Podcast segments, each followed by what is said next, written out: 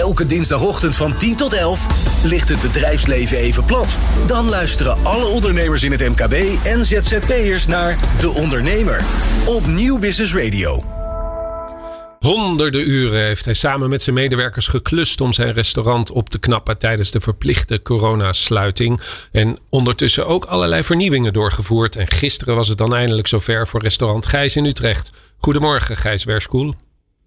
Goedemorgen. Hoe is het gisteren gegaan bij je? Uh, nou goed, op zich, uh, het was een mooie dag. Mensen waren super blij, mijn personeel was heel erg blij dat ze weer aan de slag konden. Um, omzet viel een beetje tegen, dat dan weer wel. Uh, maar het was heel fijn dat we weer in ieder geval aan het werk konden. Je hebt verschillende restaurants, waren ze allemaal open? Uh, twee waren er open, eentje was gesloten. Oké. En uh, is dat een bewuste keuze geweest? Nou, die is normaal gesproken altijd op maandag gesloten. Dus het leek mij handig om dat nu ook gewoon uh, zo te houden. Ja, en, en maar eerst eens te testen of het in die andere twee goed draait. Excuus, wat zei je? En eerst maar eens te testen of het in die andere twee goed kan. Ja, inderdaad. Ik, ik vreesde al een beetje dat mensen mogelijk misschien een beetje bang zouden zijn gemaakt door uh, de propaganda van de afgelopen maanden. En dat er, ik wilde eerst ook even, nou, even kijken of, uh, hoe de opkomst zou zijn. En dat was inderdaad niet zoals we gehoopt hadden. Waar hoop je dan op en, en waar draait het uiteindelijk op uit? Nou ja, je hoopt dat, uh, dat je omzet weer in de buurt komt van waar die was voordat de coronacrisis uh, begon. Om, uh, om de enorme geleden schade een beetje goed te maken. en dat is nou ja, in ieder geval gisteren nog niet gebeurd. Nee, en, en wat, voor, wat voor klanten heb je dan aan tafel? Zijn dat vooral bekende gezichten of zijn het ook nieuwe mensen? We hadden heel veel, uh, we hadden heel veel bekende gezichten die ons ook uh, tijdens uh, de crisis gesteund hebben door af en toe te komen afhalen. En uh, heel veel vaste gasten hadden ook voor nu voor de eerste dag een tafeltje geboekt. Wat, geboekt wat wel hartverwarmend was om mm. te zien, moet ik zeggen. Ja, en die anderhalve meter maatregelen en toiletten, sanitair, noem maar op. is dat allemaal goed gegaan met je personeel? Uh, dat is goed gegaan in zoverre dat niemand erover geklaagd heeft dat het niet goed ging. Maar uh, de anderhalve meter uh, economie, zeker in de horeca, is een, is is een idee dat niet bestaat. Het kan gewoon niet. En we hebben de tafelplanning inderdaad zo gemaakt zoals van door de overheid gevraagd werd. Ehm, maar het is niet mogelijk om, om om te werken in de horeca op anderhalve meter. Allereerst wel in de keuken. Horecakeukens zijn niet ingericht op anderhalve meter, op een anderhalve meter economie. En in de bar is dat ook niet. Hoe ga je daar dan mee om? Heb je, daar, uh, heb je dat van tevoren met je personeel afgesproken? Of uh, laat, je ze, laat je ze gaan uh, en een beetje vertrouwen op hun eigen verantwoordelijkheid? Hoe doe je dat? Nou ja, iedereen die in de horeca weet, werkt, weet dat het onmogelijk is om als personeel op anderhalve meter afstand te werken. En iedereen die, in, het gros van de mensen die in de horeca werken, in ieder geval de mensen die bij mij werken, die zijn allemaal ehm, begin, midden twintig, dus die vallen ook niet in de risicogroep. Dus die hebben het ook niet heel erg serieus genomen in die zin. Uh, uh, dat die anderhalve meter daadwerkelijk gehandhaafd moet worden. Ook omdat ze gewoon weten dat het onmogelijk is. En uh, nou ja, dat heeft de praktijk bewezen. En ik moet ook zeggen dat ik gisteren ik ben een paar rondjes door de stad heb ik gefietst en ik heb ook geobserveerd dat in de praktijk nergens die anderhalve meter eh, regel gehandhaafd werd in de horeca. Ik moet zeggen dat we eigenlijk nog het braafste jongetje van de klas waren wat dat betreft. Ja, en er waren geen demonstraties in Utrecht, hè? er waren geen demonstraties in Utrecht, nee. Wat vind je daarvan? Um, ik begrijp waarom uh, Femke uh, het heel belangrijk vond uh,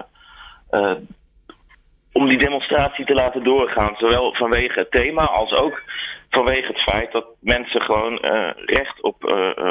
Dat er demonstratierecht is.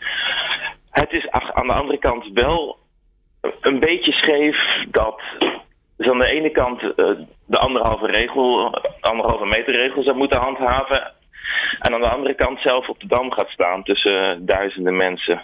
En uh, ik, ik, ben nog niet helemaal erover uit wat ik daar precies van vind. Maar ergens wringt het. Mm -hmm, dat kan ik me heel goed voorstellen. En uh, het feit dat, dat uh, niet al je tafels gisteren bezet waren. Denk je dat, dat, dat daar ook angst nog een rol speelt?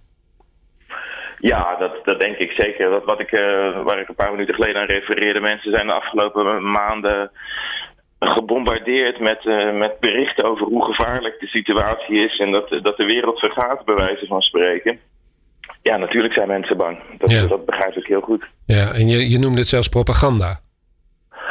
Ja, dat was misschien een beetje sterk uitgedrukt. Maar eh, ik vond de berichtgeving behoorlijk eenzijdig, inderdaad. Eh, vanuit de overheid, maar ook vanuit de media, moet ik zeggen. En eh, kun je een voorbeeld noemen of het gevoel dat je daarbij hebt? Nou, ik heb geobserveerd dat, dat, eh, dat ten eerste eh, eh, er weinig ruimte was voor een ander geluid dan het geluid over dat, hoe ernstig de situatie al was. En mensen die een ander geluid lieten horen en ook zeiden, nou, iets meer, wat mij betreft, objectiever ernaar keken, die werden regelmatig in de media afgemaakt en weggezet als mensen die eh, over de lijken van bejaarden geld wilden verdienen en, en, en dergelijke minder fraaie omschrijvingen. En ik vind, eh, ik, ik vind dat wel schokkend dat, eh, dat er zo'n enorm groepsdenken lijkt te zijn geweest de afgelopen maanden. Dat er, dat er geen ruimte was voor een ander geluid. Ik heb dat ook geobserveerd bij mensen in de Tweede Kamer. Die en masse achter Rutte aanliepen. En ik hoorde heel weinig politici de afgelopen maanden een ander geluid laten horen. Eh, in, in mijn optiek zitten juist mensen in de Tweede Kamer om allerlei verschillende gezichtspunten eh, naar voren te brengen. En ik heb dat heel erg gemist. eh. en ik eh, moet zeggen dat mij dat heel erg teleurgesteld. Desondanks ben je, ben je doorgegaan. Heb je, eh, eh, je je mensen bij elkaar gehouden. Heb je eh, ontzettend veel uren gestopt in het eh, opknappen van, eh, van de verschillende vestigingen. Wat heb je allemaal gedaan? En, en vooral welke vernieuwingen heb je toegepast? Ehm, nou, we hadden al snel door dat het niet, voorlopig niet business as usual zou gaan worden. Dus we hadden besloten dat we moesten proberen verschillende eh, bronnen van inkomsten aan te boren dan alleen maar eh, restaurantjes spelen, zeg maar. Eh, we hebben nou ja, gewoon allerlei reparatiewerkzaamheden gedaan, van tafelschuren tot de boel in een verfje zetten. Maar we hebben ook een vegan patisserielijn ontwikkeld en we hebben een vegan ijs ontwikkeld om nou ja, ook andere bronnen van inkomsten te hebben inderdaad en toch nog iets goeds aan deze crisis over te houden. En, En eh, ja, ga door. hiermee hopen we de komende maanden de boel overeind te kunnen houden. Want nou, nogmaals, ik ben bang dat eh, niet op korte termijn de, de omzetten terugkomen op het oude niveau. En eh, 80, 90 procent van de omzet op oud niveau is wel nodig om winstgevend te kunnen draaien. Want de marges in de horeca zijn, zijn niet heel ruim. Dus hoge omzetten zijn gewoon nodig. Mhm. Heb jij ook eh, te maken met verhuurders en toeleveranciers die, eh, die je op een bepaalde manier wel of niet tegemoet komen? Ehm, ik, heb een, ik heb verhuurders, ja, en die eh, zijn. e- Eentje heeft twee maanden, afgelopen twee maanden, de helft van de huur gevraagd. op voorwaarde dat die later alsnog terugbetaald wordt. En ik heb eh, één leverancier gehad die ons een abonnement dat we bij hen hadden, één kwartaal gratis heeft gegeven.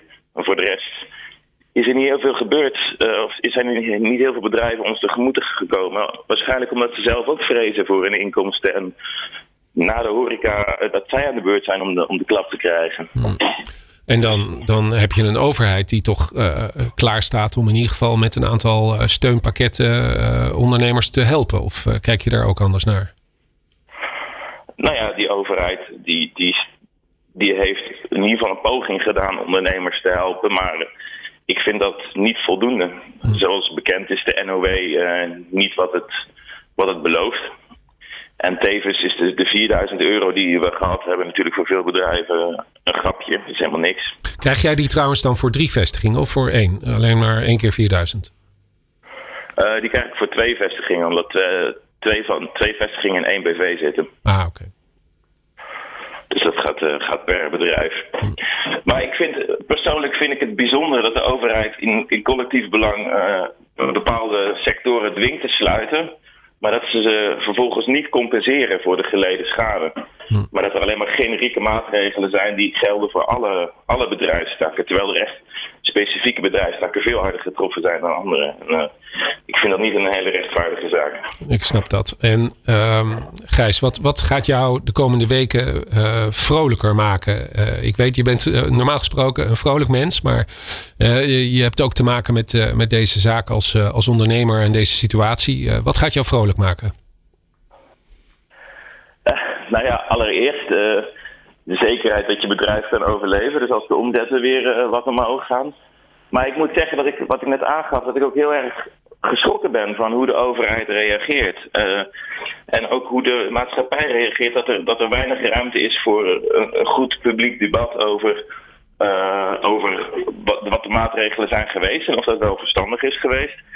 En um, ik zou het, ja, ik, nogmaals, ik ben ook geschrokken van het feit dat de overheid zo drastisch ingrijpt in de vrijheden van mensen.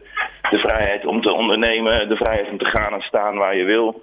En uh, een paar dagen geleden is er een wet uh, door de Kamer gejast waarbij mensen uh, getrekt kunnen worden. Hun, waar ze lopen met een behulp van een mobiele telefoons. En dat is kennelijk zonder veel tegenspraak is het die wetten gewoon doorheen gejast. En ik vind dat ik vind dat beangstigend en ik moet kijken hoe dat zich komende, komende weken, maanden gaat ontwikkelen. Of daar een ander geluid uh, naar voren gaat komen dan wat, er nu, uh, wat, ik, dan wat ik nu hoor. Ja, het, eh, het, het, komt heel veel neer op collectiviteit. Dat is denk ik een, een hele, hele korte samenvatting natuurlijk van dit. En juist die collectiviteit, ik hoop dat die ook een beetje voor jou gaat werken op het moment dat je terrassen open zijn en, en klanten naar je toe kunnen komen. Dat ze dat dan wat meer massaal weer gaan doen.